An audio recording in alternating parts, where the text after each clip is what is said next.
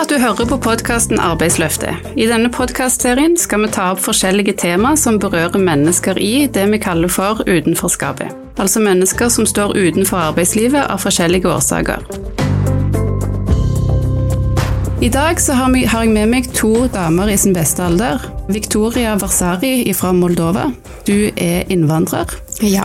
Og du har en mastergrad i miljøteknologi fra Moldova. Ja. I tillegg så har du utrolig mye erfaring fra reklamebransjen, både som fotograf, ja. men òg som eh, prosjektleder. Ja, det er sånn. Og først jeg ville si takk for invitasjonen. Bare kjekt. Kjekt at du ville være med oss og så belyse et utrolig viktig tema. fordi vi skal nemlig snakke om all den kompetansen som ikke blir brukt i Norge. Ja. Jeg tror det er en veldig godt tema for oss, og eh, jeg er veldig glad å delta på sånn uh, uh, samtale. Og kanskje det skal forandre litt tingene i verden. ja, det er det vi prøver på her i denne podkasten. Vi endrer litt på verden. Ja. Gjør den litt bedre. Har du arbeidserfaring fra Norge? Jeg har hatt litt erfaring, men det, er, eh, det var uh, litt annen jobb. Hva type jobb har du hatt? Jeg uh, jobbet i renhold og i kantina for Renhold og kantine, så ja. det er ikke helt innenfor det du kan? Ja, det, det var helt annerledes hva jeg har gjort uh, i Moldova. Men har du søkt på andre jobber enn renhold? Ja, selvfølgelig. Jeg har søkt mange ganger, og nå er det er ca. et år siden jeg um, er veldig aktiv jobbsøker. Men uh, det er alltid noe som jeg mangler, eller jeg er over, uh, overkvalifisert. Ja. ja. Noen ganger når jeg er på et intervju jeg jeg snakker at jeg kan uh, mange språk, fordi uh, norsk er min fjerde språk. Hvilke andre språk kan du? Min morsmål er rumensk. Jeg snakker veldig bra russisk. Og den tredje språket er engelsk. Og uh, for to år siden jeg begynte å lære norsk fordi jeg forstod at jeg skal aldri få en jobb jeg trives i hvis jeg kan ikke språk. Så um, og Der hører vi jo at du har kommet et helt stykke med å lære norsk. Men med din kompetanse, altså en master i miljøteknologi som absolutt er i vinden nå, eh, og din stå-på-vilje og at du er språkmektig i en global verden, skulle man jo tro var veldig ettertrakta arbeidskraft. Eh, og du, Seira Kurshid, du er driftsleder i Lingu. Mm. Du jobber med YNO-kurs, altså yrkesretta norskopplæring. Eh, og hva er hoved oppgaven din med dette kurset YNO? Det er å løse et eh, stort eh, samfunnsproblem, eller en utfordring. Og det er å få arbeidsinnvandrere ut i ordinære lønna arbeid. Og vi har blitt kjent med Victoria gjennom nettopp disse kursene. Der det er mange andre sammen med henne som kommer inn i håp og ønske om å komme seg ut i jobb innen sitt fagfelt. For veldig mange, som Victoria, har da kanskje gått gjennom akkurat det samme og bare tatt den første jobben som har dukka opp. For det, alle må jo ha jobb, vi trenger inntekt.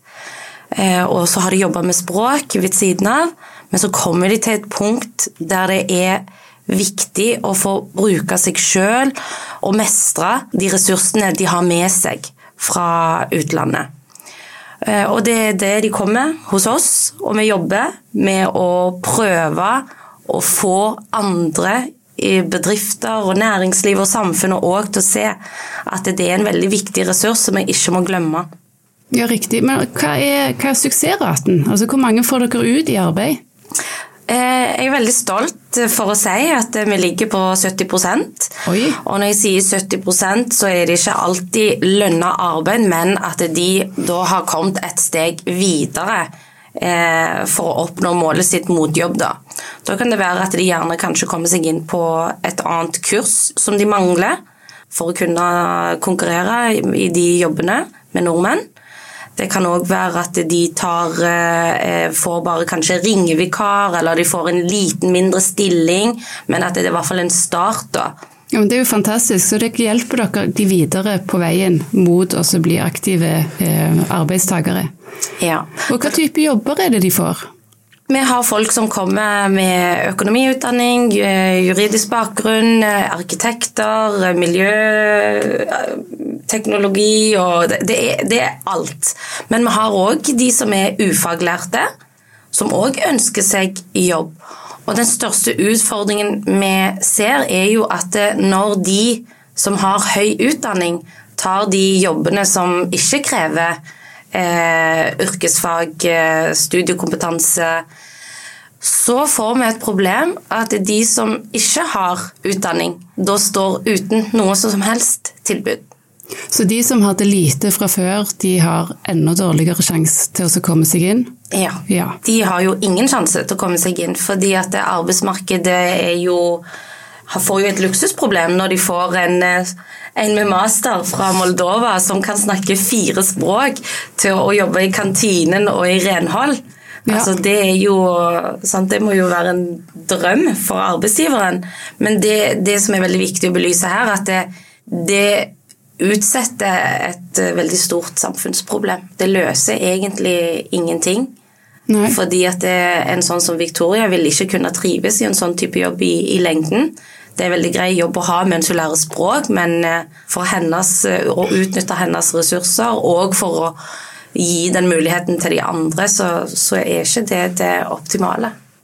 Nei, fordi at Du er inne på språk. Det er klart at Hvis du skal jobbe i Norge, så er det viktig å klare å kommunisere. Og Hvis du skal jobbe opp mot kunder i reklame, så er det viktig å kunne norsk, selvfølgelig. Men dere kanskje lærer de alt på et YNO-kurs? De må vel ut i yrkeslivet og så lære seg den sjargongen som de bruker i det yrkesfeltet som de gjerne vil inn på til sist? Du har helt rett, Silje. Det kan høres litt misvisende ut nå at du kaller kurset vi driver med, yrkesretta norskopplæring med praksisplass. Så kan man tenke at å ja, skal de på dette kurset lære norsken som de trenger i sitt fagfelt eller sitt yrke? Det er ikke det vi jobber med. Fordi at det, det beste norskkurset er faktisk ute hos bedriften eller i nærmiljøet. Det skal praktiseres. Det må praktiseres. Vi har verktøyene, vi kan gi de selvtillit, vi kan gi de eh, strategiene. Vi kan få de til å tro på seg sjøl. Vi kan være en person som kan være en brobygger mellom de og næringslivet. Men eh, norskopplæringen, det faglige, det lærer du der ute. Vi er veldig avhengige av at de skal få den muligheten og sjansen. Så alle må være med å bidra. Det er et samfunnsoppdrag som alle må være med på. Du Victoria, du sier at du har hatt en veldig aktiv eh, søkerperiode. Hva type stillinger søkte du på da? Var det opp mot det som du hadde gjort i Moldova tidligere? Jeg søkte eh, praksisplass i reklamebyrå. I det var tre reklamebyrå, kanskje. Eh, som fotograf, fordi jeg har uh, god erfaring som fotograf. Men da det var et problem med språk, fordi um, Daglig leder snakket med meg at du uh, må uh, snakke bedre norsk. Og det forstår jeg når du går og har en samtale med kunden. Så du må uh, klare å um, ja, du må kunne kommunisere. Ja, det, ja. ja, min norsk det er ikke nok for det. Men uh, jeg kunne hjelpe med grafisk design, eller Men alltid det er et problem, uh, språk. Og jeg prøvde Jeg har tenkt at kanskje jeg kan bruke min utdanning da jeg kunne jobbe i et laborator, men i denne situasjonen jeg mangler erfaring, fordi i Moldova jeg jobbet i laborator.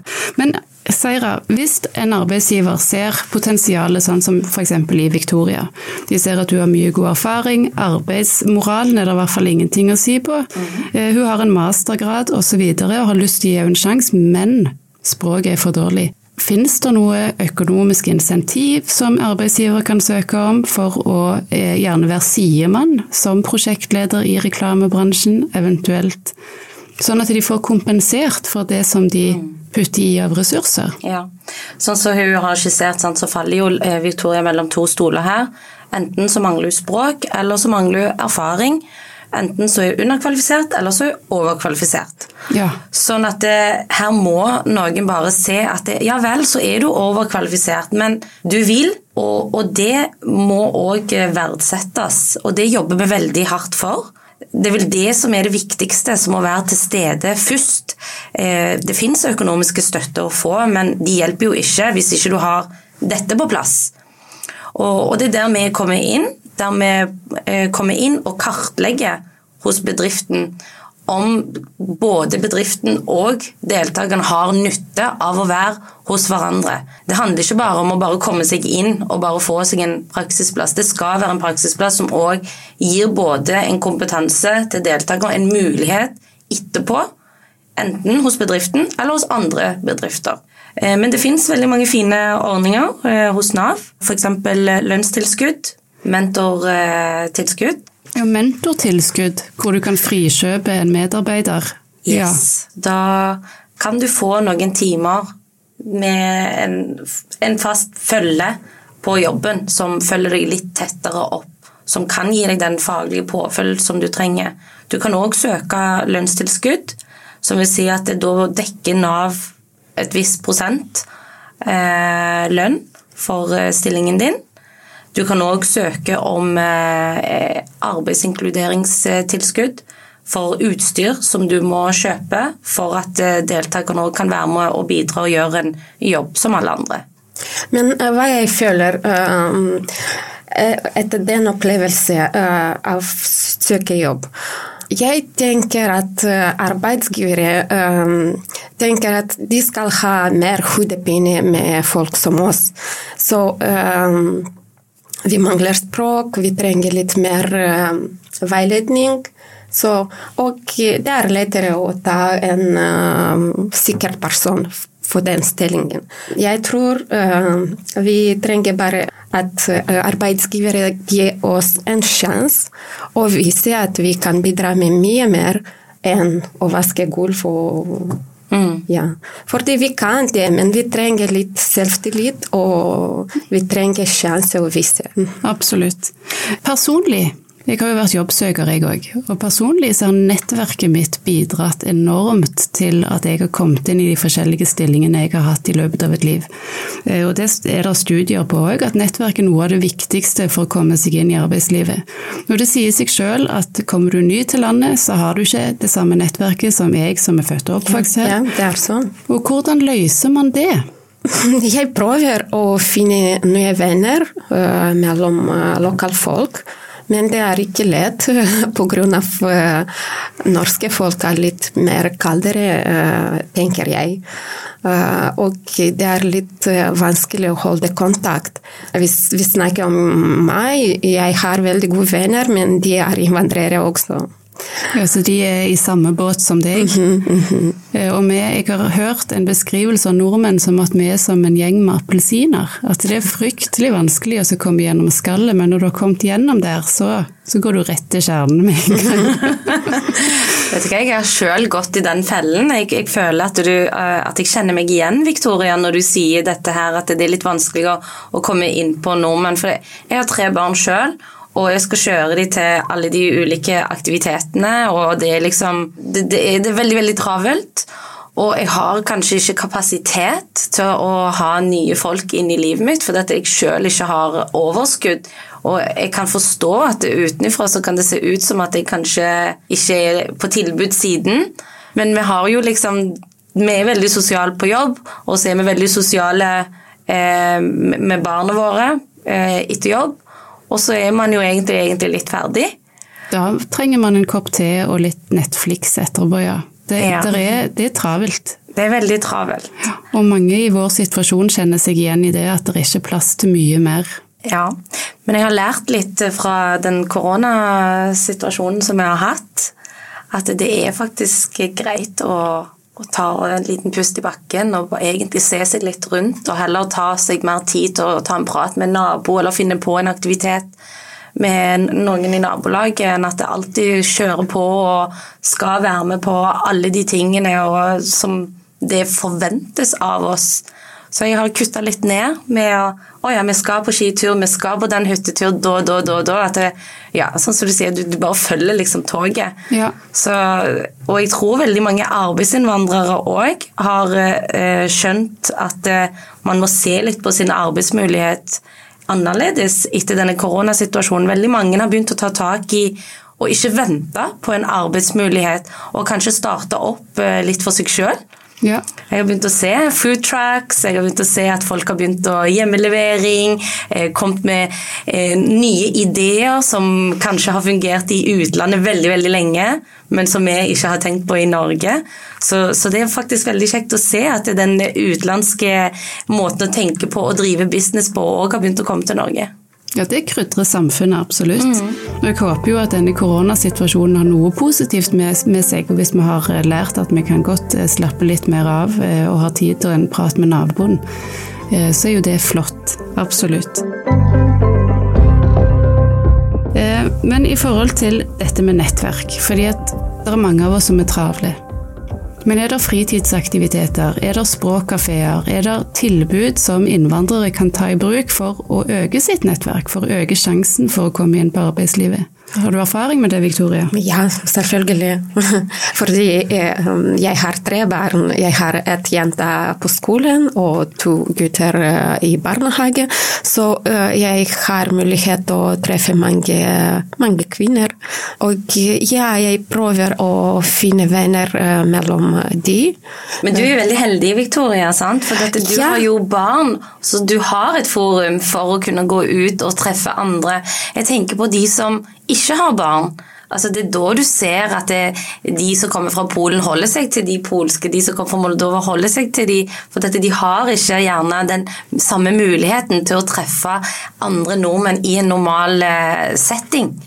Eh, altså, det, det, er ikke normalt at man bare fordi man begynner å trene på Sats eh, treningssenter, så begynner man automatisk å begynne å snakke med den som man har sett nesten kanskje hver dag. Det er jo ikke, det er jo ikke sånn det er i en voksen alder. Nei, absolutt så, ikke. Absolutt ikke. Så, så, bygge, så Derfor så tenker jeg jo òg at det, det å, å, bruke disse tiltakene som Nav eh, arbeidsmarkedsopplæringstiltak, er jo faktisk en veldig fin plass òg for å finne venner, eh, for å få et nettverk. Alle disse praksisplassene der du får nye kollegaer, du blir kjent med en leder som da gjerne får seg en jobb et annet sted, som da kan anbefale deg videre. Det er jo noe du tar med deg for livet. Så jeg tror virkelig at den Selv om den praksisplassen ikke alltid fører til en jobb, så eh, har du opparbeida deg et veldig viktig nettverk. Jeg har en veldig god norsk kvinne som venn, ja? men hun var min norsk norsklærer. Nei! ja. ja. Det er et godt eksempel på det Seira beskriver her. Mm -hmm. Absolutt. Og vi bor i nabo, så vi treffes veldig ofte med henne. Ja, Så bra. Jeg tror det hallo. Å, så koselig. ja, det er utrolig, utrolig fint å høre at det faktisk fungerer i praksis, ikke bare på papiret. Ja. Hvis vi skal ha en appell til næringslivet, mm -hmm. hvordan skal den høres ut? Jeg skal si bare gi en sjanse for oss. Ta en sjanse. Ja. En av de tingene vi gjør på dette kurset, er jo at vi ringer til bedrifter og presenterer CV-ene til deltakerne på kurset. Og et spørsmål som jeg ofte får, det er jo ja, eh, fordi jeg sier at personen har master, personen er veldig flink og, og, og, virkelig burde få en sjanse. Jeg selger jo personen inn som om jeg skulle solgt meg sjøl inn. Eh, og da får jeg alltid et sånn skeptisk spørsmål. Ja vel, hvorfor ringer du? Det, det, er akkurat som om at man er innstilt på at det, ok, folk som trenger hjelp, er fordi at det er et problem med dem. Det er, det er noe som ikke stemmer, siden de ikke klarer sjøl å få seg en jobb. Og Der syns jeg det er en veldig viktig jobb vi gjør når vi presenterer deltakeren. Vi faktisk forteller at jeg ringer ikke fordi at deltakeren sjøl ikke kunne. Jeg ringer for å kvalitetssikre. Og eh, sikre at deltakeren kunne passe for bedriften, og om faktisk bedriften òg passer for deltakeren. Det skal være gjensidig. Eh, og når vi snur på det og forteller bedriften at det, det her handler om en riktig jobbmatch, det handler ikke bare om å lande en praksisplass. Det handler om at det skal være nyttig for begge partene, og vi er brobyggere her. Og det tror jeg bedriften har begynt å, å, å verdsette mer og mer. For det sparer de òg for å gjøre veldig mye feil rekruttering. Det sparer de for å, å bruke veldig mye tid og ressurser på å finne folk som de trenger. Her får de mulighet til å bli kjent med de en smaksprøve for begge partene. Så jeg syns at at det hadde vært veldig kjekt at flere bedrifter hadde hatt ønske om å komme inn og besøke sånne tiltaksbedrifter som oss, for å fortelle om hva de krever. Eh, og hva ressurser de trenger for å belyse eh, mulighetene hos de òg. Og at de gir mulighet for at flere skal få lov til å komme inn og, og få lov til å vise seg hva de kan. Det er en uoppdaga skattkiste på mange måter, som vi nøler litt med oss å kikke i. Det er det. Fordi det at du har eh, fortalt meg tidligere om andre deltakere med en enorme kompetanse. Vi har reist rundt i verden og fortalt, eh, på, altså hatt foredrag på universiteter i det hele tatt. Ja. Når de kommer til Norge, så får de ingen sjanse. Og det er jo fryktelig synd at samfunnet går glipp av så mye flotte ressurser fordi at de har et, en språkutfordring. Ja. De må få sjansen til å øke språkkompetansen sin. Jeg skal ikke si noe navn her, men at det, dette her var en veldig spesiell sak. Vi hadde en deltaker som hadde bodd her i Norge i, i seks år. To barn, veldig fin familie. Og han bare har stoppa opp i norskopplæringen sin. Eh, han har brukt opp eh, tilbudet, så kommunalt tilbud for norskopplæring og alt han kan få av Nav. Og det siste utvei var å komme på kurs hos oss.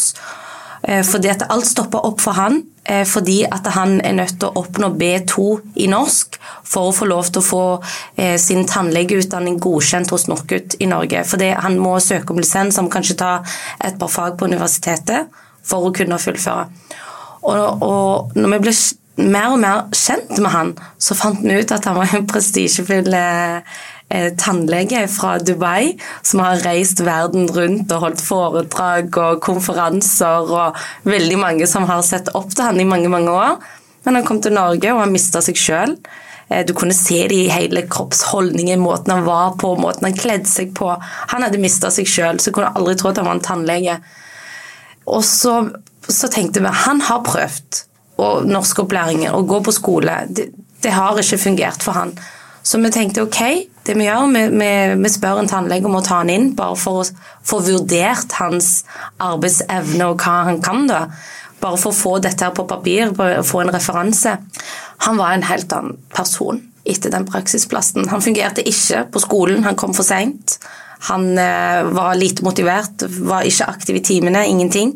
Men eh, hver dag flotte, fine, kom eh, på tannlegekontoret og var veldig hyggelig med alle pasientene og lærte tannlegen veldig mange nye andre metoder som hun verdsatte veldig veldig mye. Og, og, hun var da sånn Han må jobbe her hos meg, jeg trenger han. Selv om han ikke hadde lisensen. Så hun prøvde å gjøre alt for å finne en metode for at han kunne få lov å jobbe under hennes lisens. Og det endra livet hans. Så, så, da fikk han brukt seg sjøl på en, en meningsfull måte? Det var det han trengte. Men hva skjedde med norskspråket hans da? Han er der fremdeles, så ja. den jobber han med i, hos eh, tannlegen. For han er i en situasjon som faktisk motiverer han? Han måtte ha en arbeidshverdag som ga mening. Det var ikke motiverende nok for han eh, at han må følge et løp som er på to til tre år som han følte han ville aldri ha klart uansett. Han bare hadde mista motivasjon for å få B2. Det er ikke alle som har et godt språkøre, og det må vi bare godta. Ja, altså vi har forskjellige kvaliteter òg der. Mm. Noen tar det veldig lett, andre trenger litt mer øving. Eh, fantastisk. Eh, vi må som samfunn òg innse at vi har veldig mye kompetanse som vi ikke drar nytte av fordi at den kompetansen står i kantine, og den kompetansen eh, driver med renhold. Og det er ingenting i veien med verken kantine eller renhold. Det er samfunnsnyttige oppdrag. Men hvis du har en mastergrad innenfor noe annet, så har vi som samfunn veldig godt av å bruke den kompetansen til å dra, dra samfunnet videre. Eh, jeg kan si noe. Bare et uke siden jeg hørte på en podkast fra Moldova det var en samtale mellom to kvinner, og det var en hyggelig samtale. Og da jeg tenkte hva hvis jeg skal på et sånt intervju, har jeg noe å si? Og to da, for om to dager dager siden? Ja. Senere jeg fikk uh, den meldingen fra deg. Hvis jeg kan bli på en sånn podkast. så det var, det var, en stor overraskelse for meg. Men uh, jeg er veldig glad at jeg kunne bli på denne podkasten og snakke om dette temaet. Men øh, jeg vet at temaet handler om nettverk og alt dette med kompetanse for, for arbeidshindrende, men, men, Victoria, jeg har veldig lyst til å spørre deg. Du har jo blitt veldig flink i norsk. Tusen takk for det. Eh, og, og, og, det er jo kanskje der òg veldig mange har mista eh, selvtilliten sin fordi at de føler de ikke kan språket godt nok. Så, men, men, Victoria, du har gjort det veldig bra. Har du noen tips for hvordan du har klart å komme i mål til å komme så langt med norskopplæringen? I begynnelsen uh, jeg eh, hadde en uh, nettkurs. Og jeg, jeg, er veldig selvstendig, og jeg liker å lære selv. Og jeg begynte uh, å ta den nettkurs, men det er ikke nok. Eh, jeg begynte å snakke bare når jeg eh, traff uh, kollegaer på norsk kurs. Fordi når du er alene, du bare kan tenke litt på norsk, men det er ikke en god praksis. Ja. Har, du, har, du, fått noen venner fra kurset? som du har gått ja, og faktisk er jeg veldig glad at um, Norge ga meg sjanse å treffe mennesker fra hele verden. Så jeg har uh, venner fra Tyskland, fra Armenia. Uh, fra Italia, så Er dette òg folk som har uh, høy utdanning? Ja. Har de egne kurs for folk med høy utdanning? Ja, på Stavanger universitet.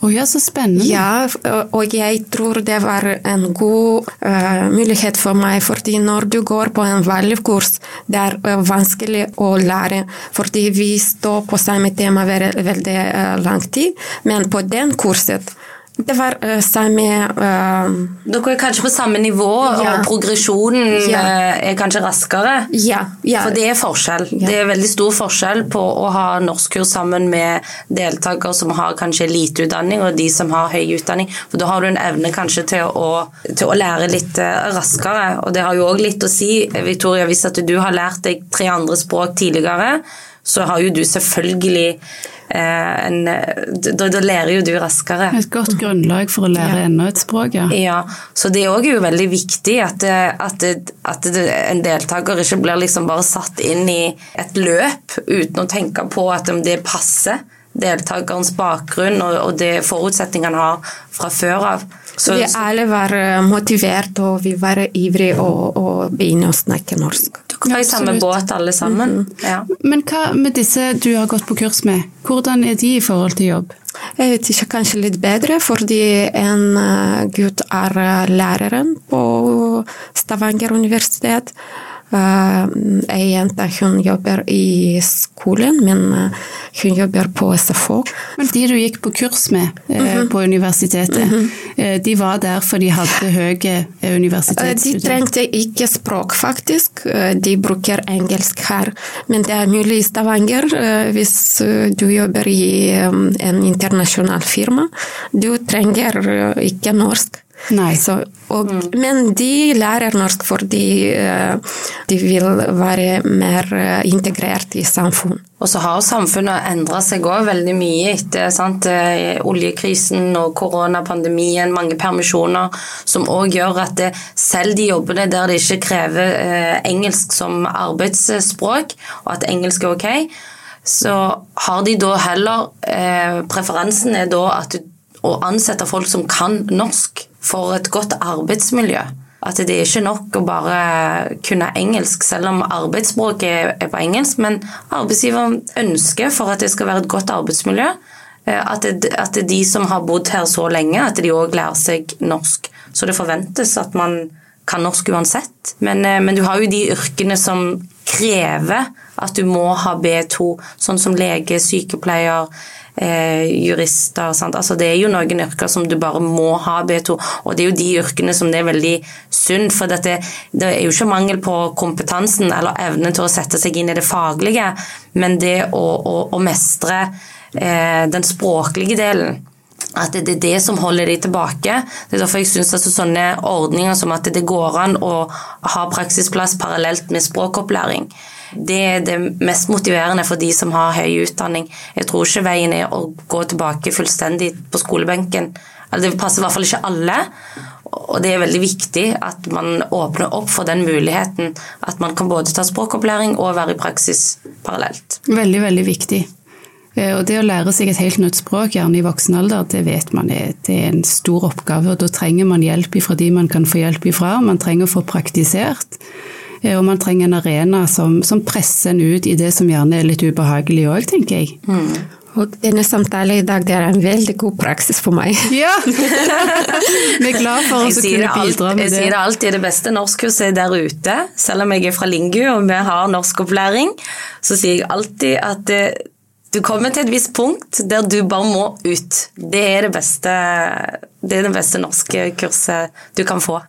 Ut og snakk norsk så mye du kan. Så vil jeg oppfordre andre til å, å snakke tydelig og, og, og, ta seg tid til å se at deltaker faktisk forstår òg. Ikke bare deltaker, men også alle arbeidsinnvandrere. At de faktisk forstår det som blir sagt. For det er så mye som vi tar for gitt. Det er så mange ord og uttrykk og ting som man tar for gitt som man tenker ja, ja, de har sikkert skjønt det. Og så har de kanskje en kultur som bare sier ja, ja, ja, og ikke tør å si at det, unnskyld, beklager, hva sa du? Så det er noe vi lærer alle deltakere på, at du skal si ifra hvis du ikke forstår. Mm. Og det er ingen skam i å ikke forstå. Nei. Så vi jobber veldig mye med arbeidskultur, for det er, det er nøkkelen. Språk og kultur. Og den formelle kompetansen, den er allerede i boks. Å tro på seg sjøl, ja. det er det aller viktigste. For hvis du ikke tror på deg sjøl, så vil ikke noen andre tro på deg. Nei, og det gjelder uansett om du kommer fra Moldova eller Norge eller Russland eller Pakistan, tenker jeg at det er allmenngyldig. Tro på seg sjøl. Tro på seg sjøl, tro på andre, så går det bra. Lykke til, Victoria. Jeg er sikker på at eh, de som har hørt på oss i dag, kommer til å se at du er en ressurs. Jeg vil virkelig gi deg en god referanse og anbefale deg. Da har du to gode referanser herfra, og en anmodning om at næringslivet tar kontakt. Jeg skal ta dere med meg på et intervju. Vi gleder oss ja. til du får lov til å bruke kompetansen din og det du virkelig er god på. Ja, jeg håper det. Ikke gi opp. Ja. Ikke gi opp, og tusen takk for at dere kommer her i dag. Tusen takk for at du byr på deg sjøl, Victoria. Det er utrolig viktig. Og takk for at du er med oss og belyser et veldig, veldig viktig område. Takk, Seira. Takk.